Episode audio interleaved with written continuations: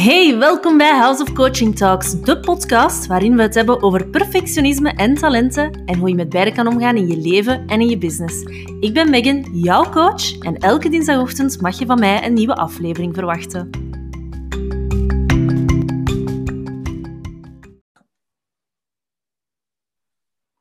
Hallo en welkom bij deze nieuwe aflevering. Vandaag is een speciale van vandaag doen we het met twee. Um, samen met uh, structuurcoach Elisa, Elisa Vergoten van Ludens Coaching.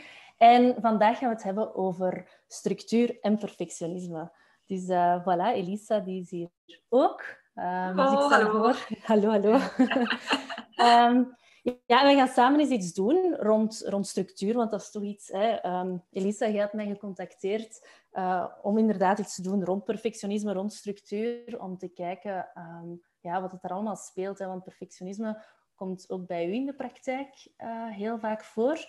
Dus ik stel voor dat je misschien ja, eerst begint met jezelf eens voor te stellen en, en hoe dat perfectionisme zich toont ook in ja. praktijk. Hè? Ja, super, super.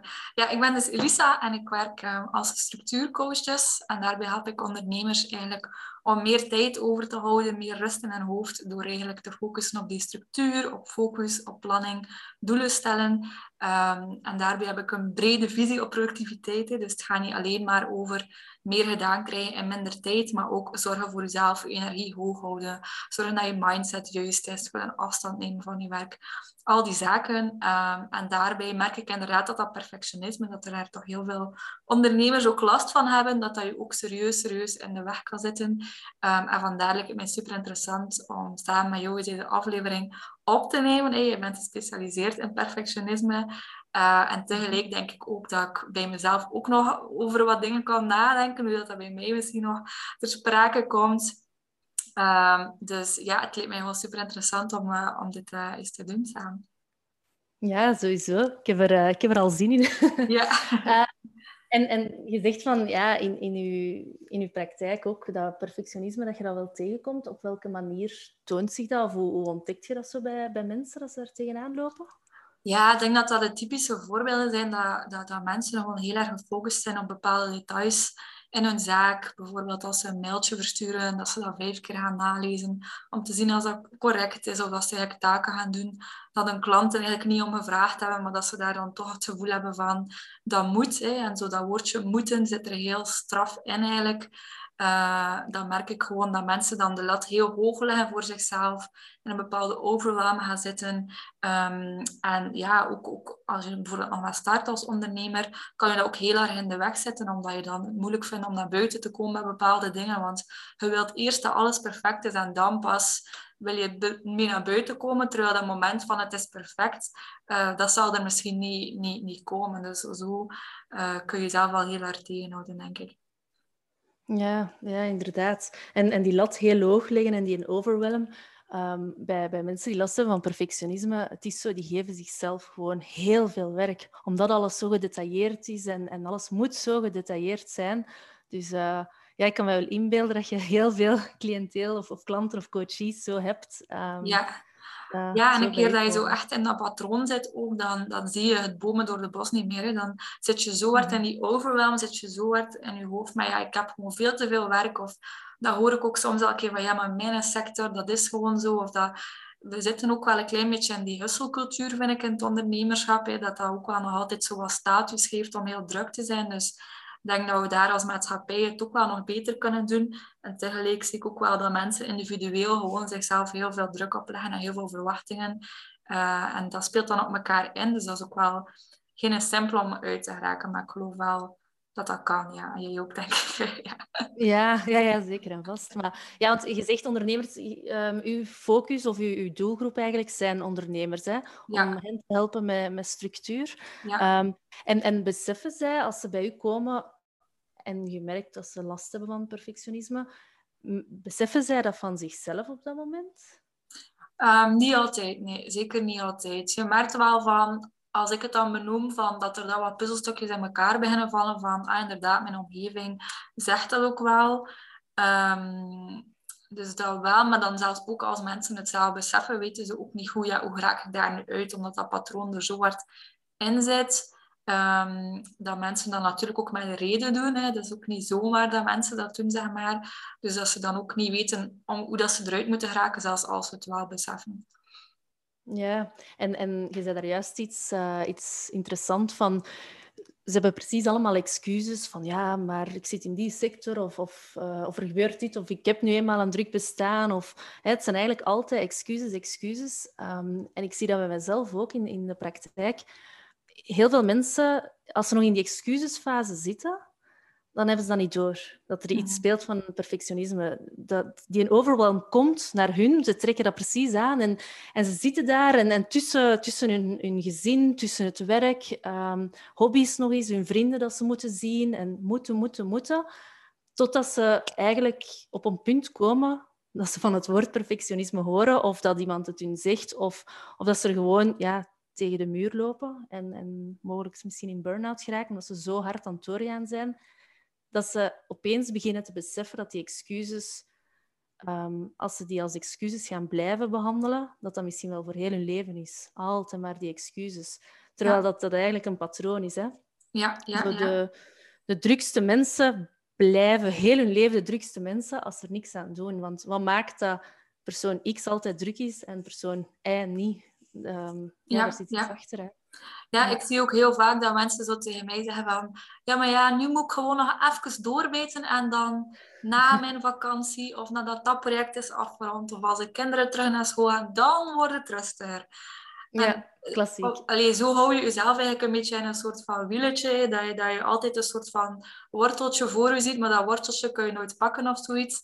Uh, zo hou je jezelf zo wat staande, maar op den duur werk je eigenlijk toe naar een soort van dat moment dat er uiteindelijk nooit komt.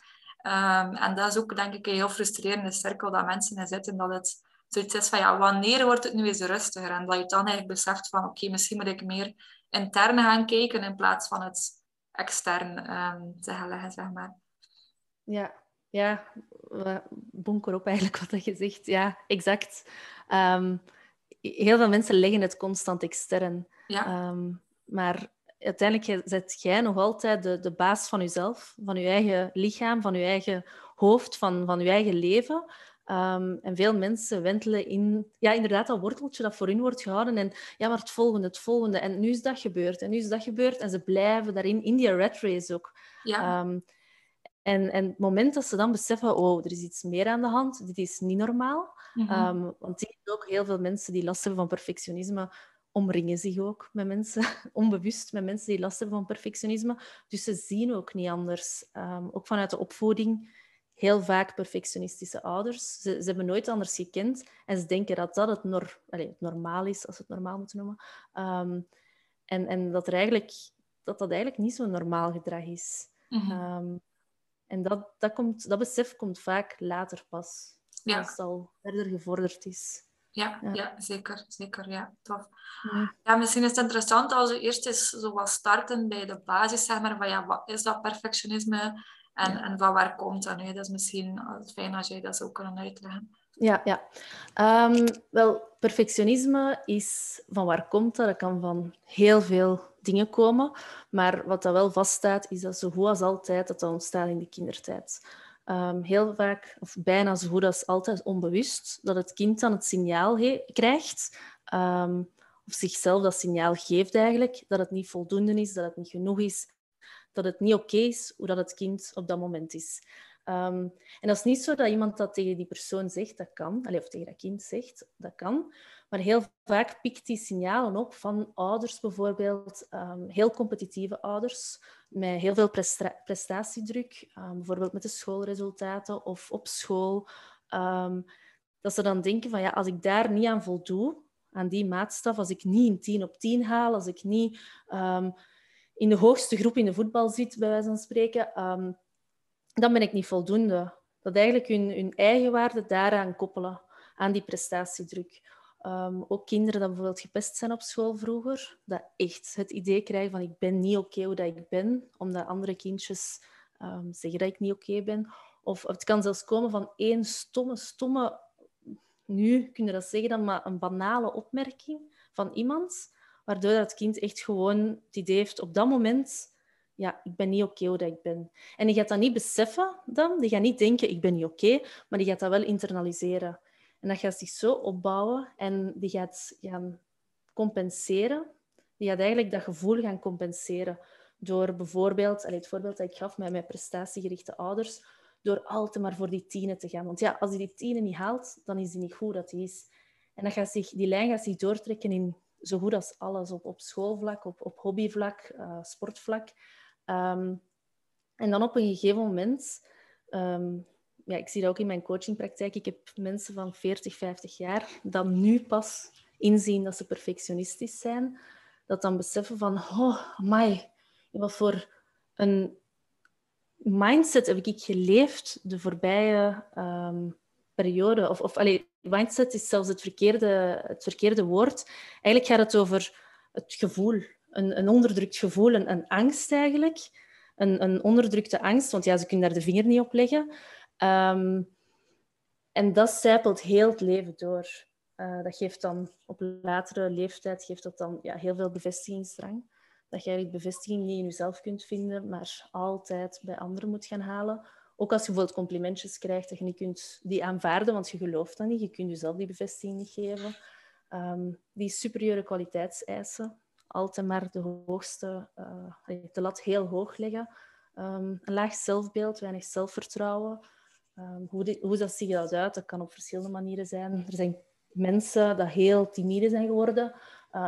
er zijn mensen die gewoon gaan overcompenseren, zich heel luid en heel duidelijk gaan tonen om eigenlijk hun, laag zelfbeeld te verhullen. Um, piekeren zit erbij natuurlijk, uitstelgedrag, uh, niet kunnen kiezen, want ze kunnen niet aanvoelen of dat die keuze of die beslissing wel de goede is, altijd maar twijfelen. Um, want als ze een slechte keuze maken, dan zegt dat iets weer al over hun eigen waarde.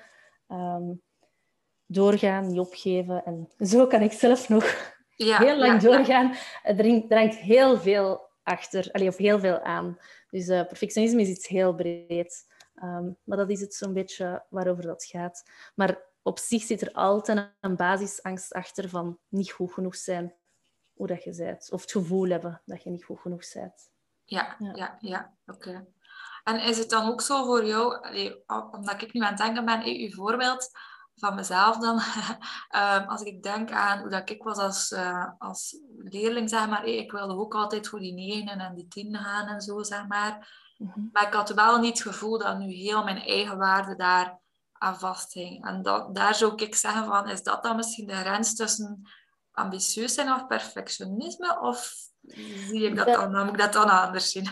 dat, kan, dat kan compleet losstaan van elkaar ook. Ja, um, ja dat kan in je aard zijn om heel competitief te zijn, zowel naar jezelf als naar anderen toe of tegenover anderen.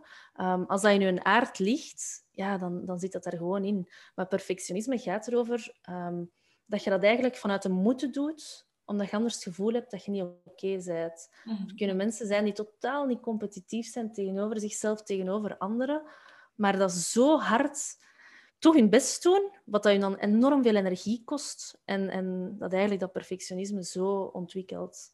Um, ik, ik ben zelf ook kerntalentanalist naast perfectionismecoach. En um, ik maak daar analyses. Dus eigenlijk breng ik de persoonlijkheid van, van de persoon voor mij in kaart. Um, op basis van 23 kerntalenten. En daaruit kunnen wij ook heel veel zien uh, wat dat met perfectionisme te maken heeft en niet. Bijvoorbeeld ook of dat er een natuurlijk perfectionisme in u schuilt. Um, ook die competitiviteit bijvoorbeeld. En dat is, dat is wel een belangrijke om te beseffen, het verschil tussen natuurlijk perfectionisme en aangeleerd perfectionisme. Um, waar wij nu heel de tijd over aan het praten zijn, dat is het perfectionisme-patroon, dus aangeleerd perfectionisme, wat dat niet zoiets positiefs is, dat, dat weegt heel zwaar. Mhm. Maar er is ook zoiets als natuurlijk perfectionisme. En dat is waarmee dat je geboren bent, dat zit in je aard, dat zit in je, je energiegevers. Dus als jij natuurlijk perfectionisme in je hebt, dan laat je op van, uh, van structuur brengen, van, van details zien, van, van kleine... Ja, dat kunnen kennisdetails zijn, dat kunnen details zijn in teksten, in, in, in beelden, dat, dat je oog daar automatisch op valt. En dat geeft je energie. En dat is iets heel positiefs. Dat is, um, als je dat in je hebt, dat, is, dat drijft je. Maar perfectionisme, patroon dan, ja, dat is iets niet zo positiefs. En mensen met natuurlijk perfectionisme kunnen zeker en vast ook het patroon ontwikkelen. Ehm, die dingen, die twee, die staan los van elkaar. Ja, ja, oké.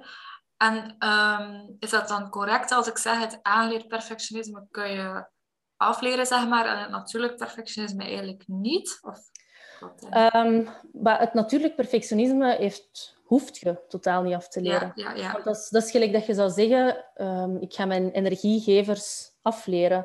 Mm Dus uh, als jij blij wordt van een boek lezen, waarom zou je het dan afleren -hmm. om een boek te lezen? Dat is eigenlijk zo'n beetje. Ja. Um, perfectionisme patroon is een patroon, dus een gewoonte, iets dat je doorheen de jaren hebt ontwikkeld. Je kunt dat afleren, um, maar dat kost heel veel tijd en, en coaching natuurlijk, omdat dat zo'n ingebakken patroon is. Um, dus in mijn coachings ook, um, ja, daar, ik ga er uiteraard mee aan de slag. En dan gaan we op het onderbewuste gaan werken. Omdat dat, ja, omdat dat een gewoonte is. Dat is zoals dat je bijvoorbeeld met een auto rijdt. Je denkt niet meer na van nu gaspedaal induwen, nu schakelen, nu koppeling. Dat gebeurt gewoon. En hetzelfde is met, met, met dat patroon, dat overkomt u. Het is niet dat je op een ochtend opstaat en denkt van... Nu ga ik mij eens uh, super slecht voelen en mij alles aantrekken van alles en iedereen. Ja. Dat overkomt gewoon. En het is daar dat we gaan werken om, om dat af te leren eigenlijk. Um, om, ja, om dat patroon eruit te krijgen. Om die gewoonte terug om te buigen naar iets positiefs. Ja, ja, ja. Oké, okay, oké. Okay. Ja, het is ook wel een werk van langere adem, zeg maar. Hè? Dat is niet op een paar weken dat dat, uh, dat, dat eruit nee. Uh... nee, nee. Nee, nee en ik, ik geloof er ook in, um, mensen bij wie dat, dat heel sterk ingebakken zit. Dat is niet dat je vandaag, als je zelf zou op een schaal van 1 tot 10, een 10 op 10 zou scoren voor, voor perfectionisme, dat je naar een 0 gaat gaan. Dat is een utopie. Dat zit ergens in u. Dat is zo, zoveel jaren erin gebakken. Um, maar je kunt het wel werkbaar maken. En, en dat je zelf de keuze hebt om... Ja, eigenlijk om, om je perfectionisme te bevatten. Om, om de keuze te hebben om ja, je anders te gaan gedragen. Om andere keuzes te maken. Ja, ja. En wat zou je dan voor u zeggen van... Dan is het werkbaar, zeg maar? Is dat dan dat je bijvoorbeeld die drang voelt of zo om perfectionistische gedrag te vertonen en dat je dat dan kunt toch op een andere manier aanpakken bijvoorbeeld? Zou je zeggen van dat is werkbaar? Of, of, of wat wil dat dan voor jou zeggen van oké, dan is het, kun je er beter mee leren leven of zoiets? Of is dat gewoon, het kost gewoon niet meer zoveel energie? Of... Um, het is... Wacht, mijn, ja, een beetje een dubbel antwoord dat ik ga geven, maar op zich willen we het onbewust gaan aanpakken. Dus op den duur ja. dat je er ook niet meer over moet nadenken. Dat je gewoon ja. een ander gedrag stelt. Dat je niet automatisch gaat piekeren, maar dat je gewoon ja, iets anders in de plaats doet in plaats van piekeren. Um, maar in het begin is dat moeilijk natuurlijk. En dan is het wel goed om op te merken van, ah, nu heb ik de keuze. Ik kan mij heel hard in dat piekeren gaan, gaan slagen, of ik kan naar oplossingen denken, of ik kan het gewoon zo laten, of proberen te laten. Dus in het begin is dat nog een heel mentaal ding, dat je nog gaat beginnen schipperen tussen wat zou mijn perfectionistische ik zeggen, wat zou ik anders doen. En op den duur gebeurt dat gewoon. Maar dat is voor iedereen persoonlijk hoe dat, hoe dat je dat ervaart. Maar ik denk vooral als je het gevoel hebt van het moeten is eraf. Het moeten, ik moet, ik moet, ik moet. En, en je komt meer in de ik mag. Dat je dan al heel mooie stappen hebt gezet. Ja, ja, ja. Ja, ik denk sowieso dat zoiets ook gewoon veel meer rust heeft. Um, dat je daar niet zoveel energie aan verliest. Um, ja.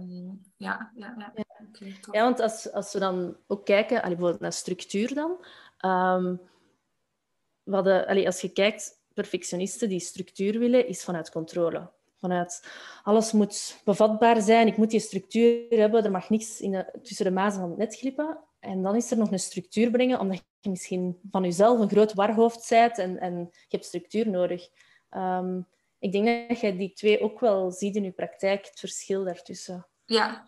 Ja, ja, dat is zeker wel interessant wat je aanhaalt, want wat ik ook merk bijvoorbeeld als we dan beginnen bijvoorbeeld met de planning en, en ook met doelen. Hè, dus doelen stellen is voor mij ook een belangrijke. Um, als die doelen dan gehaald worden of die planning, dat ze dan daar ook wel wat te veel aan gaan vasthangen. Hè, en dat ik ze dan zo wat moet afremmen van ja oké, maar er gaan toch altijd onverwachte dingen uh, blijven gebeuren. Het, het is oké als je je doelen niet behaalt. Je ziet het als een soort GPS, niet als een stok om jezelf mee te slaan of zo. Uh, dus dat merk ik inderdaad ook wel, dat dat zo in het begin wat zoeken is. En dan wordt dat inderdaad weer vanuit die controle dan waarschijnlijk inderdaad daar te veel aan vastgeklampt. En dan moet je ook wel weer een klein beetje gaan bijsturen van hoe kun je ermee omgaan dat u dat helpt, die planning. En niet dat je daar alles gaat aan, aan, aan vasthangen, zeg maar. Ja. Ja, want er zijn ook mensen dat, um, dat bijvoorbeeld totaal geen nood hebben aan planning. Of, of totaal geen nood hebben aan structuur. Maar dat dat vanuit hun perfectionisme gestuurd wordt. Dat eigenlijk een heel ongestructureerd leven zouden kunnen leiden als ze dat perfectionisme-patroon niet zouden hebben. En dat dat puur vanuit dat perfectionisme gestuurd wordt. Mhm, dus, uh, ja. Ja, ja, ja, ja, ja. kan zeker. Ja, ja. Komt veel bij zien, hè? Ja, inderdaad, inderdaad. Ja. Ja, en, en hoe, pakt jij dat dan aan in, in uw praktijk? Um, als, je zo, ja, als je zo merkt van daar zit perfectionisme, hoe, hoe ga jij daar dan mee om? Ja, ja, ik, ik ben eigenlijk bij mij van, van de eerste dingen wat ik vraag aan mijn klanten is eigenlijk om, om alles een beetje in kaart te brengen, wat dat ze allemaal doen en hoeveel tijd dat ze aan bepaalde dingen gaan besteden en wat dat voor hen zo heel zwaar weegt qua energie, zeg maar, waar dat ze energie aan verliezen. En dan, dan begint het zo soms al wat op te vallen, oké, hoe komt het dat je zoveel tijd besteedt aan dit of aan dat, terwijl dat, dat eigenlijk toch niet zo belangrijk is. En dan hoor je het ook wel mensen zo zeggen, ja, maar ja, dan uh, dat moet toch goed zijn. En dan komt dat moeten wel naar boven. En dan vandaar uh, probeer ik eigenlijk praktisch te gaan kijken, oké, van hoe kun je misschien wat de middenweg zoeken. Hè? Van bijvoorbeeld met die mails of zo, um, zou je kunnen zorgen van dat je dat wel nakijkt, maar dat je bijvoorbeeld geen vijf keer nakijkt. Hè? Of, of dat je daar wat meer voor jezelf van een middenweg in vindt van oké, wat is nu echt belangrijk om, om, om heel goed te doen, zeg maar. En wat mag er wat meer flexibiliteit in zitten, wat meer vanuit flow, wat meer vanuit die speelsheid, in plaats van daar zo heel hard die, die druk op te zetten, zeg maar. Um, dus ik denk dat daar naar boven komt en dan ook inderdaad ja, in die planning en in die doelen, of als er een tegenslag is of zo, um, denk dat, daar, uh, dat dat daar meest naar boven komt bij mijn klanten. Ja, en, en heb je zo dat is misschien zo om, te, om te bedenken of te zeggen, maar zo, zo tips dat je, dat je mee kunt geven of, of dingen dat mensen zo al snel mee aan de slag kunnen als, als je ziet dat ze daarop vastrijden? Ja. Um, ja, wat ik bijvoorbeeld probeer te zeggen als een soort van tip is, is bijvoorbeeld kijken naar, oké, hoe ziet je planning eruit deze week? Welke taken heb je allemaal? En in hoeverre moeten die allemaal perfect zijn? Bijvoorbeeld dat je daar dan een soort van cijfer aan gaat geven van, van 1 tot 10. En dat je dan bijvoorbeeld als het gaat over de was, ja, dat is misschien maar een 2 op 10, dat maakt er niet zoveel uit. Maar als je voor een klant iets maakt, ja, dan wil je dat wel een 8 of een 9 of 10 is bijvoorbeeld. En dat je voor jezelf misschien al wel een onderscheid gaat in maken van oké, wat, wat is er nu eigenlijk echt belangrijk? Waar mag er wel wat energie naar gaan? En wat zijn eigenlijk de dingen dat, dat ik wat meer mag loslaten, dat er wel wat minder um, energie mag, gaan. Dus dat is wel iets praktisch, denk ik, dat op zich wel gemakkelijk uh, toe te passen is. Um, en sowieso je tijd in kaart brengen, denk ik dat dat voor iedereen wel een heel nuttig is omdat je dan eigenlijk echt wel met je, met je neus op de feiten wordt gedrukt van ja, waarom besteed ik nu zoveel tijd aan dit of, of aan dat en, en waarom, waarom gaat er daar zoveel tijd naartoe? En dat je vandaar misschien ook wel kunt zien van ja, dat ligt eigenlijk niet echt in lijn met mijn doelen. Dus dan moet ik dan precies toch wel een beetje proberen te veranderen. Hè. En dat is dan nog maar het praktisch stuk natuurlijk. Hè, want er zit daar dan iets onder. Maar gewoon door dat bewustzijn, ik denk dat je vandaar wel dan dingen kunt in verandering gaan zetten. Ja, en, en dat zo je tijd in kaart brengen, is dat dan zo'n soort timesheets, dat je echt je, je dagen per uur indeelt en dan met kleurtjes of zo? Of, of hoe, ja, je hebt, daar verschillende tools voor. Je kunt Toggle gebruiken of Clockify. Of ik doe dat gewoon in een Excelletje, dus dat ik gewoon opschrijf, oké, vandaag... Uh, dat ik dan bijvoorbeeld drie keer per dag opschrijf, oké, zoveel tijd heb ik aan dat besteed, zoveel tijd aan dat. En dan op het einde van de week keer gaan analyseren van, oké, hoe zit het nu eigenlijk echt? En je gaat merken dat dat sowieso niet klopt met wat je waarschijnlijk denkt dat je je tijd aan besteedt. Ja. Um, en ook wat energie kan ook interessant zijn dat je je taken opleest en dan ziet hoeveel energie ben ik kwijt aan elke taak. Ja, als je vooral ziet dat je in het rood staat, zeg maar, ja, dan moet er ook wel een alarmbelletje afgaan. Sowieso van, oei, ik verlies eigenlijk wel heel veel energie en bepaalde taken kan ik daar een andere oplossing voor, uh, voor vinden. Ja. Ik ben heel blij dat je dat zegt van, van tijd in kaart brengen. Want ik heb daar uh, ook wel een kleine anekdote over. Allee, anekdote. Het is, uh, het Dus, en eigenlijk is het ook niet zo grappig, want ik lach. Maar ehm, toen ik in mijn eerste jaar UNIF zat, heb ik... Ik was ook altijd een supergoeie student. Um, allee, ook mijn eigen opgelegd van ik moet die tienen halen en, en, en dat. Heel prestatiegericht. En toen dat ik in het eerste, uh, in het eerste hoger zat, was ik alles over heel de lijn gebuist. Ik had allemaal herexamens, omdat je compleet anders had, verkeerd had ingeschat. En mijn perfectionisme is toen ook heel hard beginnen opspelen. Um, ook die faalangst is komen bovenkomen. En, en ja. Toen is er heel veel gebeurd. En ik weet dat ik uh, achteraf naar een leren leren was geweest. Want ik dacht, allee, ik ben altijd een goede student. En dat was, ik koppelde mijn eigen waarde daar ook aan. Van, ik ben de goede student, dus ik ben oké. En um, ik ben toen naar een leren leren uh, bijeenkomst geweest. En daar was dat ook, met die kleuren. En ik vond dat heel boeiend om te zien. Um, allee, of kleuren, dat was toen in kleuren. Ja. Eigenlijk heel uw, uw schema, of heel uw, uw weekschema overloopt en in kleuren zit. En dan dat ik ook besefte van, wauw, ik spendeer heel veel detail, allee, uh, tijd aan details. Ja. Alles zo uittypen totdat het perfect is. Oké, ik was dan wel gebuist, maar dat is gewoon omdat ik zo tot in de details ging. Ja. Omdat ik het overzicht niet meer zag. En ik denk dat dat mensen die last hebben van perfectionisme, dat, dat, allee, dat mijn verhaal niet zo uitzonderlijk is, dat die zo in de details gaan dat die eigenlijk die kapstok verliezen waar dat ze alles kunnen aanhangen. Ja, dat dat wel ja. een hele goede om... Ja, en denk zeker als ondernemer dat dat net het belangrijkste allee, dat dat echt heel belangrijk is. Hè? Dat je echt dat overzicht bewaart van eh, waar wil ik naartoe. Allee, dat je ruimte hebt zeg maar, om te werken aan je zaak en niet alleen maar in je zaak. Dat zie ik ook heel vaak gebeuren, dat ze dan heel hard bezig zijn met hun klanten, van 's ochtends tot avonds klanten, klanten, klanten, maar eigenlijk geen tijd nemen van waar wil ik naartoe of, of waar wil ik over een jaar staan of, of bezig zijn met dingen automatiseren of, of uitbesteden of zo van die dingen. En dan zet je jezelf eigenlijk weer zo'n beetje in een redrace. Dan creëer je voor jezelf een soort van werknemersbaan, zeg maar, waarin dat je maar blijft gaan en gaan en gaan. Uh, en dat je ook het gevoel hebt van, ik blijf hier maar ter plaatse trappelen, terwijl dat je waarschijnlijk heel veel ideeën hebt, ook over hoe dat beter kan, maar dat je er dan precies geen tijd voor vindt. Um, en geen energie voor vindt. Dus ik denk die overwhelm, uh, dat dat echt ook een hele grote killer is als het gaat over productiviteit of, of werken aan de juiste, juiste taken, zeg maar. Ja, ja want um, heel veel ondernemers, of, of, startende ondernemers, beginnen er eigenlijk aan, omdat ze denken, ik wil meer vrijheid, ik wil meer mijn eigen ding doen. Ja. En eigenlijk gebeurt het omgekeerde. Hè? Ze Ja. zitten zo in die, inderdaad terug in die red race en gewoon gaan, gaan, gaan. Ja. Um, ik ken ook heel veel mensen, ik ben daar zelf ook wel soms een beetje schuldig aan, dat bijvoorbeeld in Canva liggen prullen. En, uh, Ja, ja, ja. en, en voor die social media, um, ik heb dat voor mezelf wel wat losgelaten, omdat ik denk, ja, pff, dat is echt niet het belangrijkste. Het is echt belangrijker dat ik gewoon inderdaad mijn klantenservice...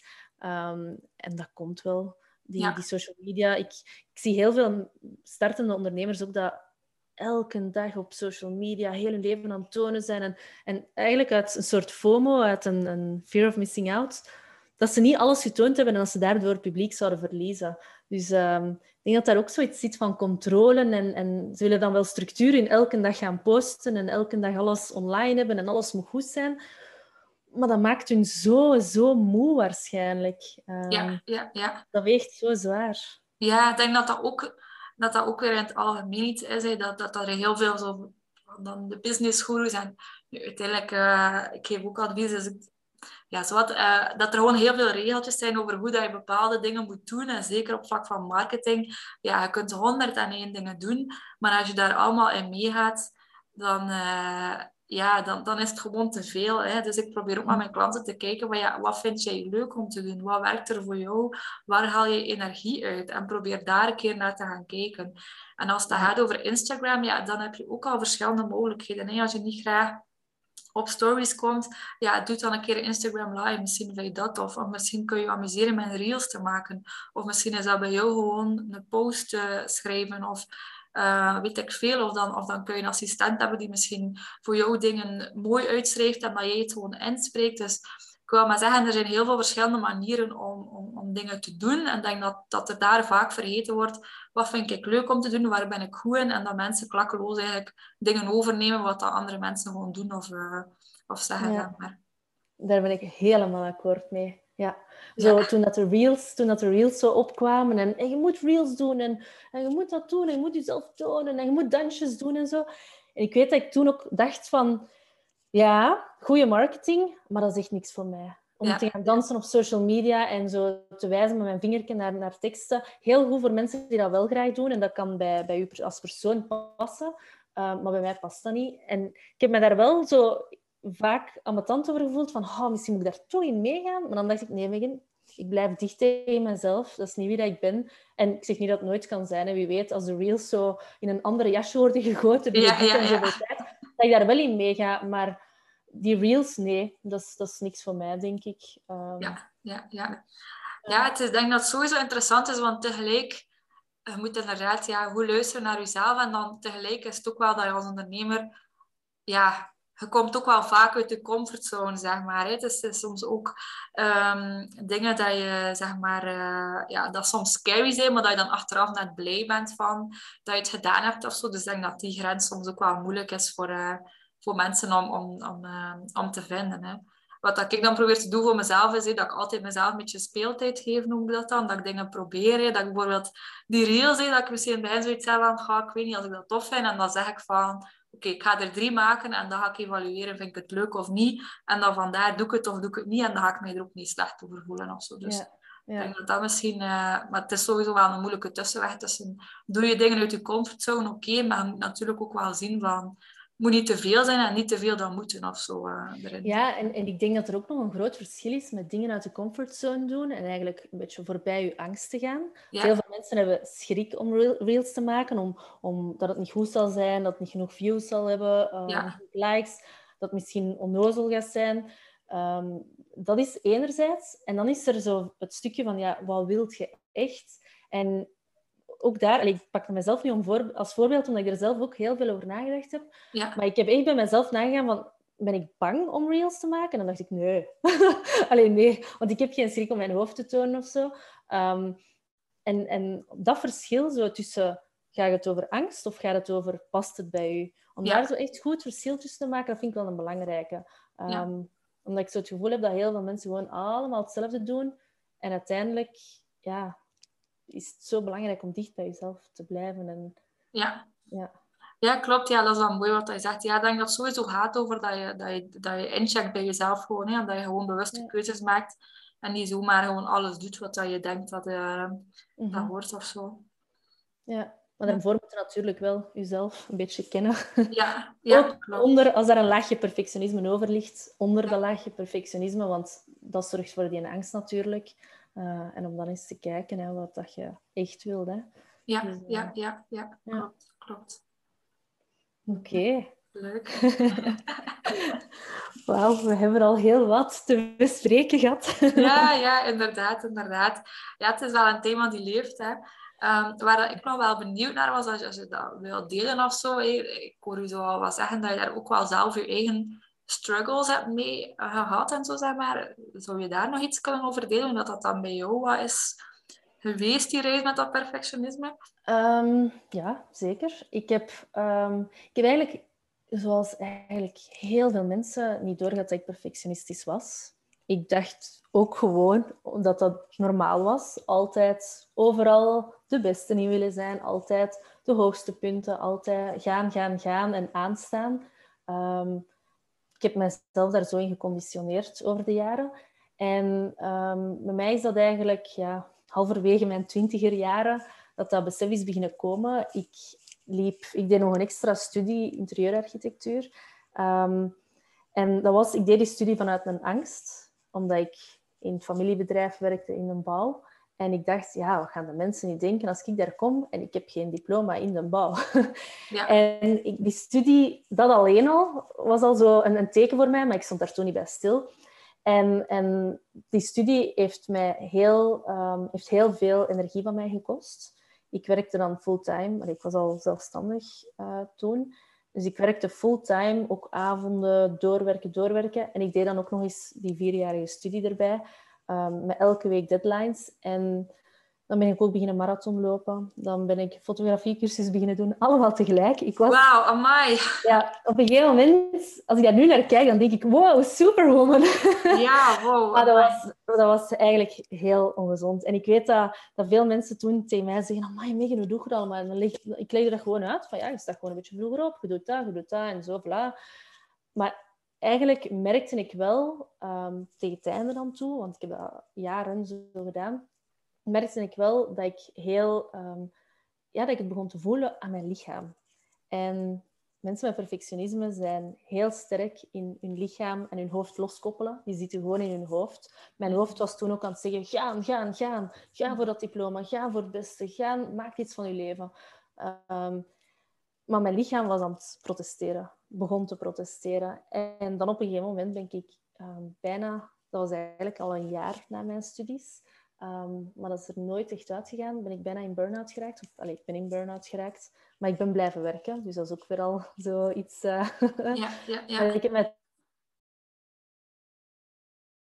is psycholoog en, en zij heeft mij toen wel echt begeleid daarin. En toen zijn er heel veel puzzelstukjes beginnen vallen. Um, dan heb ik ook over perfectionisme beginnen opzoeken.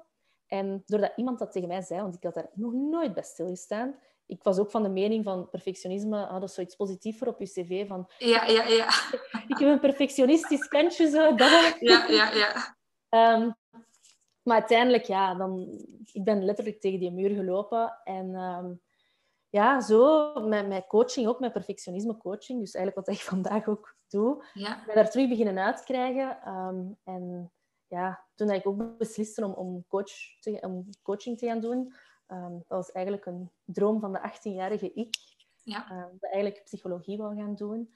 En dan heb ik beslist van, nee, nu ga ik ervoor gaan. Ik ga voor mijn coachingpraktijk gaan. Ik kwam mij dan ook specialiseren. En dan dacht ik, ja, er is eigenlijk maar één ding waar ik mij in wil specialiseren. Allee, twee kerntalenten. En dat perfectionisme. Want hoe ik zag, hoe ik zelf een transformatie had gemaakt, ik wou dat gewoon bij anderen zien. En ik vind het mhm. fantastisch om te doen vandaag, om, om mensen daarin En ik krijg wel soms opmerking van, ja, is dat dan niet moeilijk omdat je zelf zo daar gezeten hebt? Dat je zo gaat beginnen reflecteren of, of projecteren op, uh, op je coaches. En ik vind dat juist mijn sterkte. Ja. Dat ik mij goed invoelen in de mensen, dat ik, dat ik weet wat dat er leeft en dat ze ook gewoon alles kunnen zeggen. Dat ze, ze weten dat ook van mij, dat staat letterlijk op mijn website. Ja. Dus ze weten dat ook van mij, ze weten dat ze zich niet moeten inhouden en dan behalen we gewoon heel mooie resultaten. Dus um, dat is zo'n beetje het verhaal. Ja, ja, ja. Ja, super fijn. Ik denk op zich dat dat wel vaker gebeurt hoor. Dat, dat, coaches of, of hetgeen waarin dat je mensen begeleidt, dat dat een beetje jouw versie is van een paar jaar geleden en zo. Ja. Uh, dat denk ik dat op zich wel vaak gebeurt. Ja, ja. ja. En bij u, als ik dat mag vragen, hoe, hoe zeg jij zo als structuurcoach uh, erin gerold? Of, of uh... Ja, ja, ja, ja, het is niet dat ik daarvan droomde als kind of zo uh, structuurcoach te worden. ja, ik ben een beetje gestart in, uh, in projectmanagement. Dus dat was eigenlijk ja, organisatie bij, bij grote bedrijven. En dan zag je dat die structuur en die planning dat dat heel vaak in de soep liep. En ik heb dan ook in, in een start-up gewerkt. en daar was dat ook super, super moeilijk. En dan merk je gewoon echt direct de impact op de resultaten als je niet focust op de juiste dingen, zeg maar. En tegelijk zat ik ook in mijn eigen zoektocht, omdat ik dan mijn eigen eerste bedrijf had in bijberoep naast bij hoogberoep. En voor mij was dat ook echt een hele puzzel om dat te kunnen combineren. En ik vond dat heel moeilijk en ik vond daar eigenlijk heel weinig informatie over van hoe doe je dat nu. Hè? Je vindt wat info over productiviteit, maar ik vond dat veel te beperkt eigenlijk. Het gaat alleen maar over gebruik die productiviteitsapp en uh, je bent er of zo. Uh, ik had het gevoel, ja, die puzzel is precies nog veel groter. Um, en vandaar ja, zelf een beetje mijn passie voor ondernemen dat gevonden, dat ik dat super leuk vond. Dat dat uiteindelijk ook het doelpubliek was dat ik uh, wilde helpen. Um, en vandaar dan eigenlijk ja, mijn eigen zoektocht te starten. En dan kreeg je meer en meer vragen ook van jij het allemaal en kun je mij niet helpen? Uh, en dan vandaar ben ik het eigenlijk gestart. Ja. Ah, oké, oké boeiend. Leuk hoe dat, hoe dat het leven nu zo in, in verschillende dingen brengt. Hè. Ik vind dat super interessant. Ja, ja zeker. zeker ja. Zo wat life throws at you. En, ah, ja. Ja. ik vind dat boeiend. Ja, inderdaad. En dan achteraf eh, is het wel van, ah ja, eigenlijk zit er wel een rode draad in. Het is toch niet allemaal zo random als ik, nee, als ik op het moment zelf dacht of zo, zeg maar. Maar dat is, uh, ja. ja. dat is wel fijn, ja. Ja, ik, ik heb ook al zo vaak die opmerking gekregen van, ja, Megan, wat ga je nu eigenlijk doen? Want ik ben gestart in de communicatie, ik ben dan in de bouw gestapt, dat interieur gedaan, nu heb ik mijn coachingpraktijk. En dat lijkt zoals ik heel nieuwsgezind ben, of die opmerking heb ik al gekregen. Maar dan denk ik, nee, ik ben eigenlijk gewoon elke keer een stapje dichter tegen mezelf aan het, geraken. Um, Dichter tegen wat ik echt wil doen. En ik heb het gevoel, um, en ik weet, misschien is dat niet voor het leven, want ja, als persoon evolueert je ook natuurlijk, um, dat ik zo nu wel echt heel dicht bij mezelf sta, ook met die coachingpraktijk. En dat vind ik gewoon mooi, dat je gewoon altijd maar dichter naar jezelf toe gaat. Ja, ja, mooi. Ja, mooi dat je dat verwoordt ook. En ik denk dat dat ook een fijne manier is om daarnaar te kijken in plaats van... Hé, want je hebt soms een negatieve imago, denk ik nog altijd, als je heel veel verschillende dingen probeert of, of veel verschillende interesses hebt, of dan dat je dan een soort van jobhopper bent, of weet ik veel wat. Terwijl dat ik zoiets heb van, ja, ik denk dat er heel veel mensen zijn die veel verschillende interesses hebben. En hoe mooi is het dan dat je van het een naar het ander kunt evalueren. Dat je altijd je bagage meeneemt, zeg maar, je rustzakje meeneemt. En dat je dat dan gewoon iedere keer op een andere manier kunt toepassen. Hè. Dus uh, ja, ik zie dat voor mezelf ook wel. Zo van, ja, over drie jaar kan ik weer iets helemaal anders doen. En dan neem je sowieso mee wat je al geleerd hebt, denk ik. Ja, en ik vind dat mooi eigenlijk zoekend zijn. Want dat wil zeggen dat het niet gedaan is. Het zou heel jammer zijn als je nu iets hebt van... Dit is het voor de rest van mijn leven. En, allez, misschien wel, hè. Maar dat zo... Ja, dat, er nog fases komen zo in het leven. Ik vind dat, ik vind dat super ja. boeiend. Ja, ja, ja, inderdaad. Ja, ja. kijk er ook naar. Ja. Oké. Ehm, ja, ik vind het is grappig dat we op tijd zo naar ons eigen verhaal gaan. Ja, ja, starten de mensen daarmee, maar ik vind het leuk. Het is een keer anders. Ja, ja inderdaad, inderdaad. Ja, zo moet het ook. Hè. Gewoon een uh, ja. ja. gesprek. Ja, oké. Ehm, ja, ik denk dat we al heel veel hebben en dat we over veel gepraat hebben. Ja, um, ja. Dus ik denk dat we ver alles, alleen niet alles, want er is, het is nooit allemaal gezegd, maar... Ja, ja, super. Ja, ik denk misschien gewoon nog belangrijk om te vermelden, hè, als mensen uh, graag bij jou coaching kunnen volgen, dat zij terecht kunnen op jouw website, vermoed ik. Ja, op uh, www.houseofcoaching.be. Ja. Super makkelijk okay. Of op mijn Instagram, houseofcoaching.be. Ja, ja. Uh, en bij u? Bij mij ook op mijn Instagram, voilà. elisa.verhoten-gadgeton. Um, en dan ook op mijn website Ludens Coaching. Dus bij mij kun je ook terecht voor online trainingen, één op één coaching of uh, de groepscoaching. Maar we kunnen het in de show notes zetten, dat de mensen het gewoon uh, gemakkelijk ja. Ik vind het ook heel leuk. Get shit dan, dat zo de schop onder je komt. Zo. Ja! leuk, leuk. yes, yes. Alright. Oké, ik vond het super boeiend. En leuk om te doen. Ja, ik ook. Dus, ik ook. Uh, voilà, oké. Okay. okay. Ja, bedankt ook aan iedereen om te luisteren. Uh, en als er iemand nog vragen heeft of opmerken of wil graag nog iets toevoegen, uh, je weet ons zeker te vinden. Oké, okay. bye. bye, -bye. Doei.